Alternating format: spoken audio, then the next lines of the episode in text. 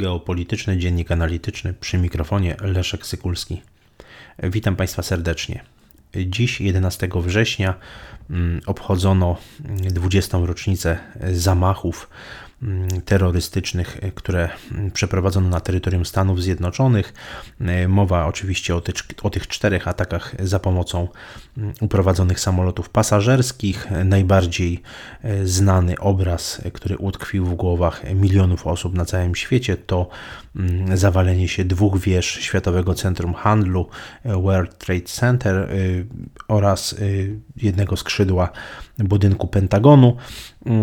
Włącznie w zamachu zginęło 2996 mm, e, osób. No i można powiedzieć, że te zamachy otworzyły w pewnym sensie nową epokę w dziejach świata. Dziś kilka moich refleksji na temat skutków, także skutków geopolitycznych, ale myślę, że e, skoncentruję się głównie na kwestiach związanych z bezpieczeństwem i jego i tym wymiarem skutków zamachów z 11 września 2001 roku, także tych, które dotyczą Polski i tutaj naszego bezpieczeństwa. W zamachach z 11 września y, użyto czterech samolotów pasażerskich. Dwa z nich rozbiły się o mm, wieżę Światowego Centrum Handlu w Nowym Jorku. W wyniku tego wieżowce zawaliły się. Trzeci samolot zniszczył część Pentagonu, a czwarty mm, rozbił się na y, polach Pensylwanii, niedaleko od y, Waszyngtonu. Są różne spekulacje. Niektórzy, niektórzy mm, mówią o tym, że miał uderzyć w Kapitol, inni, że w Biały Dom. Faktem jest, że doprowadzono do katastrofy na bezludnym y, terenie.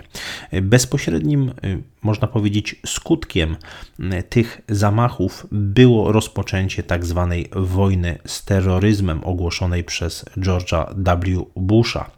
Warto w tym momencie zaznaczyć, że z 19 zamachowców, którzy przejęli kontrolę nad wspomnianymi przeze mnie samolotami, aż 15 było Saudyjczykami. E, I po dziś dzień właściwie trwają e, różne e, spekulacje, dlaczego nigdy Stany Zjednoczone nie oskarżyły Arabii Saudyjskiej o odpowiedzialność za te, za te ataki. Przecież wiadomo, i to zresztą także w tę 20. rocznicę szereg mediów podkreśla, że saudyjscy przywódcy no, przyczynili się poprzez finansowanie skrajnych ruchów islamskich do pojawienia się Al-Kaidy co więcej, wspierali przez bardzo długi czas samego Osama Bin Ladena. Od chwili, kiedy w wyniku kryzysu naftowego z 1973 roku i można powiedzieć, no tego podbicia cen ropy Arabia Saudyjska stała się potęgą mm, gospodarczą. No, można powiedzieć, że przywódcy tego państwa nie tylko przeznaczali pieniądze na budowanie meczetów, różnego rodzaju ośrodków kultury, e, ośrodków religijnych, e, szkół religijnych na całym świecie, ale także bardzo mocno zaczęli wspierać finansowo eksport y, no, bardzo konserwatywnej odmiany e, islamu.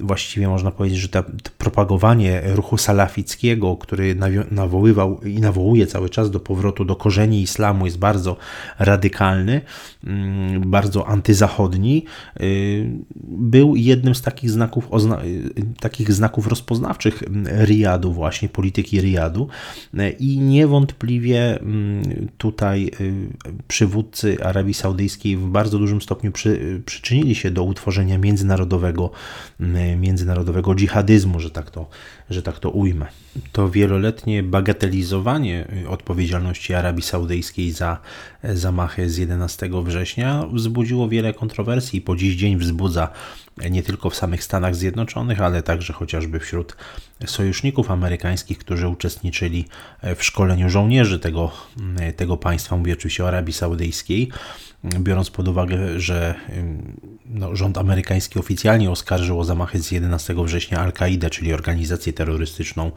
kierowaną przez Osama Bin Ladena, człowieka, no, przez całe, tak jak powiedziałem, przez wiele, wiele lat sponsorowanego przez rząd y, w Riyadzie.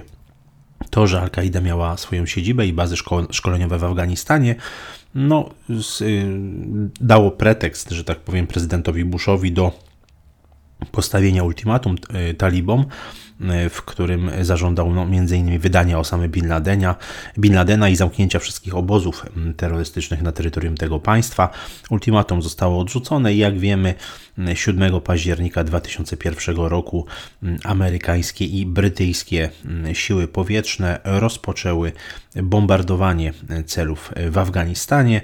No i y, mieliśmy do czynienia y, z całą już później inwazją na Afganistan mm, i y, no, długoletnią wojną, najdłuższą w dziejach Stanów Zjednoczonych, dwudziestoletnią, która moim zdaniem przyczyniła się do utraty hegemonii przez to państwo, hegemonii międzynarodowej. Trudno dziś po tych 20 latach mówić, że Stany Zjednoczone są absolutnym, niepodważalnym hegemonem. To już ta epoka absolutnie minęła e, bezpowrotnie, moim zdaniem, mm, biorąc pod uwagę fakt, że w tym samym roku, w roku 2001, w którym mm, Amerykanie rozpoczęli mm, właśnie bombardowanie Afganistanu, w którym można powiedzieć, Waszyngton zaangażował siły NATO, odwołał się do artykułu 5 Traktatu Waszyngtońskiego mm, i stworzył koalicję ISAF.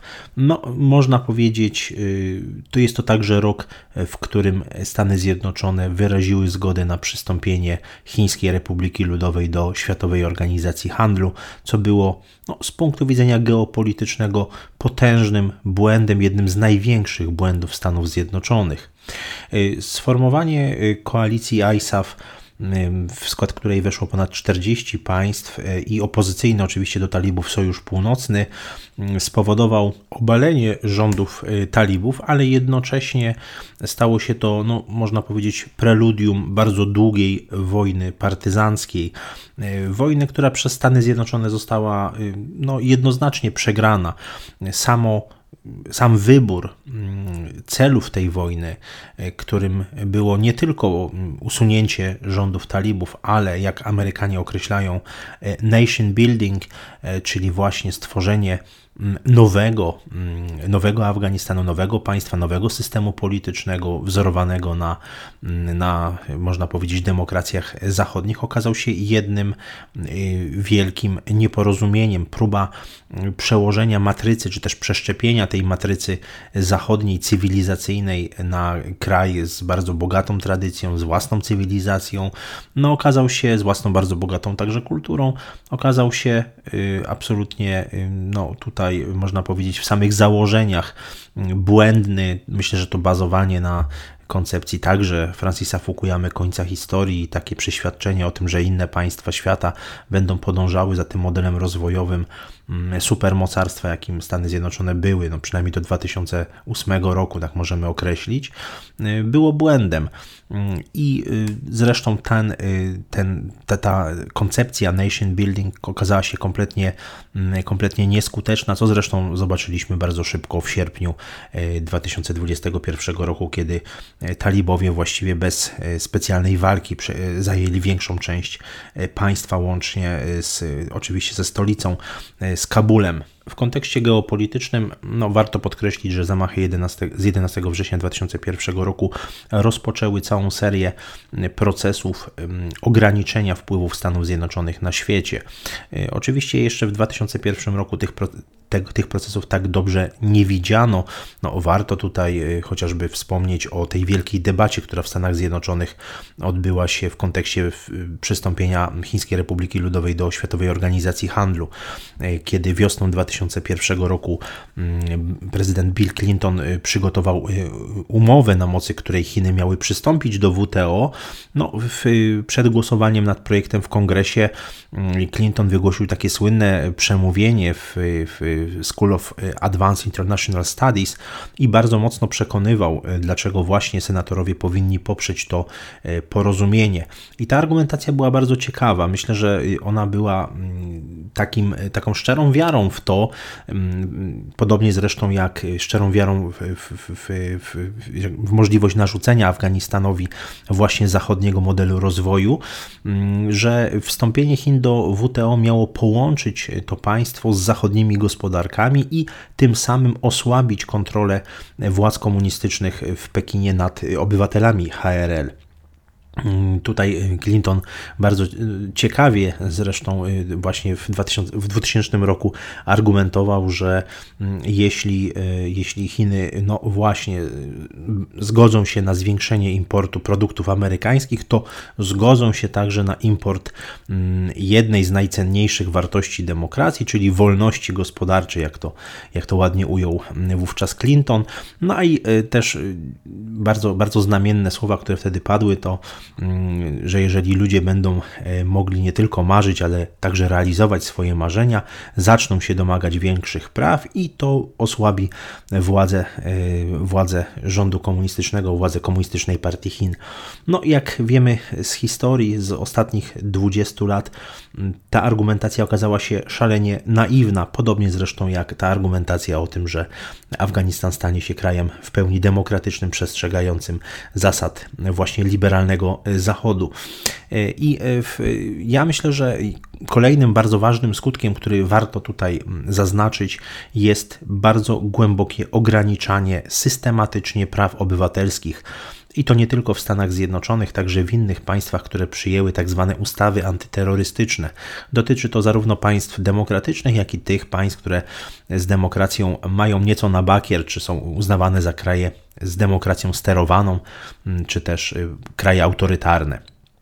Mm, warto wspomnieć, że w Stanach Zjednoczonych y, prezydent y, George W. Bush, Bush w dniu 26 października 2001 roku, no, czyli właśnie niecały, niecałe dwa miesiące po, po zamachach, przyjął, podpisał USA Patriot Act, słynny, e, słynną ustawę, która obowiązywała od właśnie wspomnianego 26 października 2001 roku do 1 czerwca 2015 roku i jedną, e, jednym z bardzo wielu ograniczeń praw obywatelskich, które znalazły się w tej ustawie, był zapis, że wolno przetrzymywać obywateli nie będących Amerykanami, nie mających obywatelstwa amerykańskiego, przez właściwie nieokreślony czas bez wyroku prawomocnego, bez wyroku sądu, bez wyroku sądu, pod warunkiem, że zostaną oni uznani przez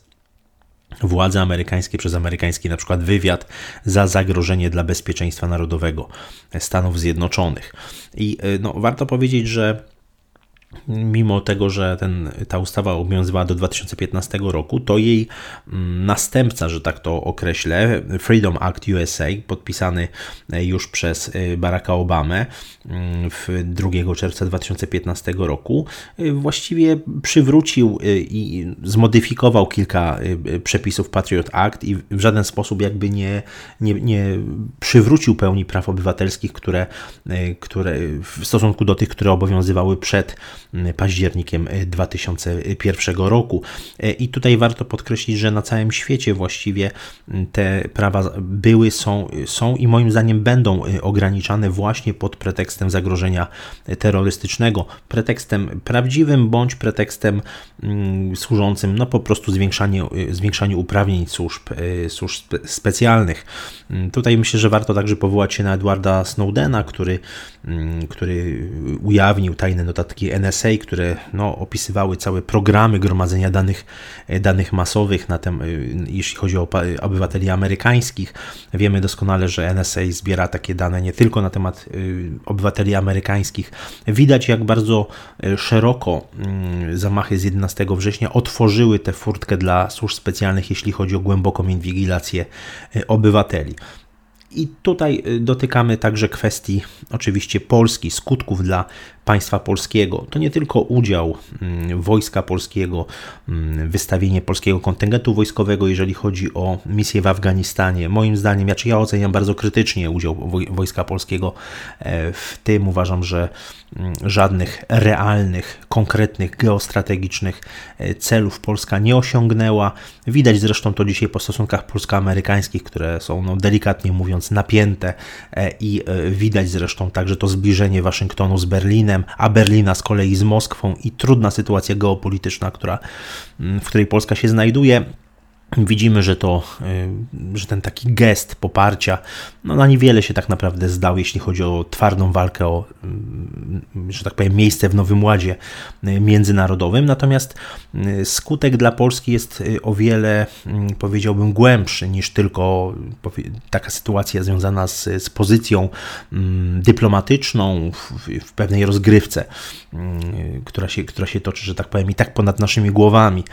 To jest sprawa związana z bezpieczeństwem wewnętrznym, z, ze stosunkiem obywateli do swojego państwa, ze stosunkiem nawet establishmentu pań, y, państwa i stosunku jego do do różnego rodzaju aktów prawnych, y, łącznie z konstytucją i do, mm, i, i, do służb mundurowych. Mam tutaj na myśli sprawę tajnych więzień CIA w Europie, w tym oczywiście także tego więzienia, przynajmniej jednego, mm, który znajdował się, znajdował się w naszym kraju. Cała sprawa wypłynęła za sprawą mm, za sprawą śledztwa mm, Washington Post, dziennika amerykańskiego, który opisał cały system tych tajnych więzień e, CIA. Mm, mowa oczywiście o przede wszystkim tutaj Polsce i Rumunii. No i warto wspomnieć, że to śledztwo Rady Europy, śledztwo Parlamentu Europejskiego jasno y, dały odpowiedź na to, że takie więzienia były. Jeżeli chodzi o raport Rady Europy, to mm, wiemy, że mm, CIA dysponowała w latach 2003-2005 e, tajnymi więzieniami e, w Polsce i e, w Rumunii, w których przetrzymywano osoby podejrzane, o terroryzm. Tutaj no, nie było z tego, co, co, co wiemy, żadnego wyroku sądu. Mm, wiemy, że Dochodziło do tortur y, także na terytorium państwa polskiego. Y, no, wiemy, że doszło do złamania prawa i prawa międzynarodowego, i prawa Rzeczypospolitej Polskiej, doszło do złamania konstytucji. No i właściwie tamten y, kazus tego, tych tajnych więzień CIA rozpoczął, moim zdaniem, w mojej opinii, całą lawinę wydarzeń związanych, czy też całą lawinę i wydarzeń, i pewnych procesów, które są związane z deprecjonowaniem autorytetu władz państwa polskiego, z deprecjonowaniem najwyższych aktów prawnych, takich jak Konstytucja Rzeczypospolitej Polskiej, mm, brakiem zaufania do własnego państwa. Mm, to są bardzo głębokie, bardzo złożone procesy, natomiast moim zdaniem tutaj to zarzewie mm, miało miejsce tych procesów właśnie w latach 2003-2005. Mm, sprawę tajnego więzienia CIA w Polsce i podporządkowania działań e, Polskiej Służby Specjalnej Agencji Wywiadu obcej służbie specjalnej i złamanie Konstytucji RP i złamanie prawa międzynarodowego no, został faktycznie mm, potwierdzony przez Europejski Trybunał Praw Człowieka w Strasburgu w roku 2014. W lipcu tamtego roku został e, ogłoszony wyrok. Zresztą tutaj Trybunał opierał się na zeznaniach świadków, ekspertów, na dowodach z międzynarodowych śledztw, mm, jednoznacznie wskazując że w Polsce doszło do y, złamania prawa międzynarodowego. E, moim zdaniem, dopóki y, sprawa tych mm, więzień nie zostanie y, w Polsce osądzona, jeżeli osoby mm, najważniejsze wówczas w państwie, premier, prezydent, szefowie służb specjalnych, nie tylko przecież agencji e, wywiadu, ale także, także agencji bezpieczeństwa wewnętrznego, zwłaszcza tutaj pion kontrwywiadu, który musiał wiedzieć o tego typu działaniach obcej służby specjalnej. Jeżeli te osoby nie zostaną osądzone prawomocnym wyrokiem sądu, sądu no trudno spodziewać się, aby państwo polskie było państwem e, dobrze funkcjonującym, niezależnie funkcjonującym, suwerennym przede wszystkim, zdolnym do egzekwowania suwerennego prawa na terytorium Rzeczypospolitej Rzeczypospolitej, jeżeli obca służba specjalna jest w stanie tworzyć sobie tutaj mm, więzienie na terenie jednostki wojskowej, mówię oczywiście o starych kiejkutach, no to trudno traktować poważnie mm, właśnie taki aparat państwowy, trudno traktować Polskę podmiotowo na arenie międzynarodowej. Można powiedzieć, dlaczego mm, państwa takie jak Niemcy czy Rosja miałyby rozmawiać z Polską o sprawach strategicznych, skoro mogą rozmawiać z Waszyngtonem, który tak naprawdę był tutaj dysponentem mm, takiego obszaru no, faktycznie eksterytorialnego. Moim zdaniem, dopóki ta sprawa nie zostanie wyjaśniona, a jest to jeden z, tak, z bardzo istotnych skutków właśnie zamachów 11, z 11 września 2001 roku dla państwa polskiego, trudno będzie mówić o mm, samodzielności strategicznej państwa polskiego. To jest moim zdaniem jedno z takich fundamentalnych zarzewi braku e, obecnie samodzielności strategicznej e, Polski na arenie międzynarodowej. Dziękuję Państwu za uwagę.